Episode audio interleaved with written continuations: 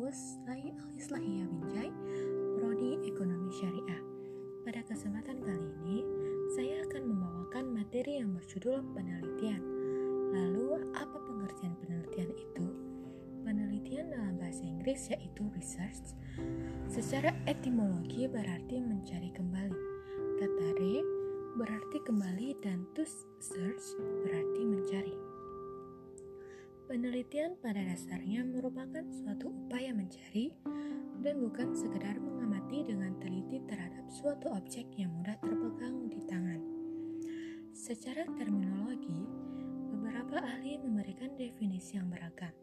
Menurut Fuad Hasan dan Konja Raningrat, segala usaha yang dilakukan dengan sengaja untuk menangkap gejala-gejala alam dan gejala-gejala masyarakat berdasarkan disiplin metodologi ilmiah dengan tujuan menemukan prinsip-prinsip baru di balik gejala-gejala yang ada disebut dengan penelitian.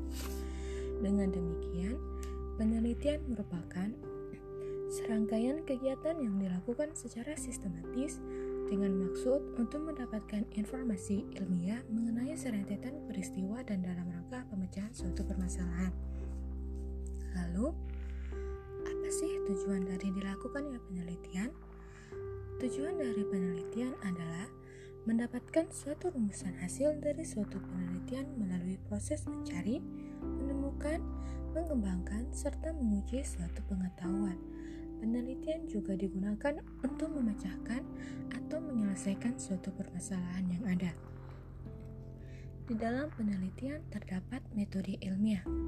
Apa itu metode ilmiah? Metode menurut Sen adalah suatu prosedur atau cara mengetahui sesuatu yang mempunyai langkah-langkah sistematis.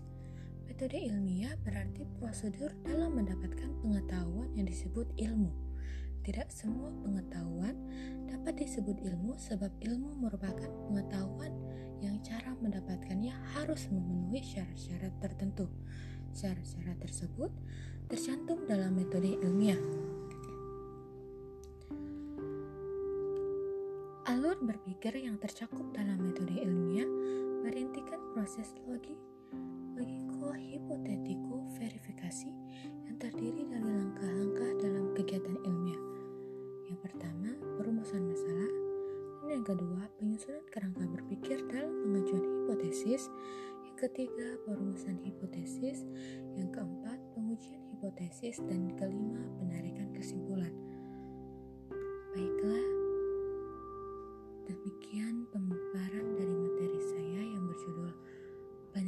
年，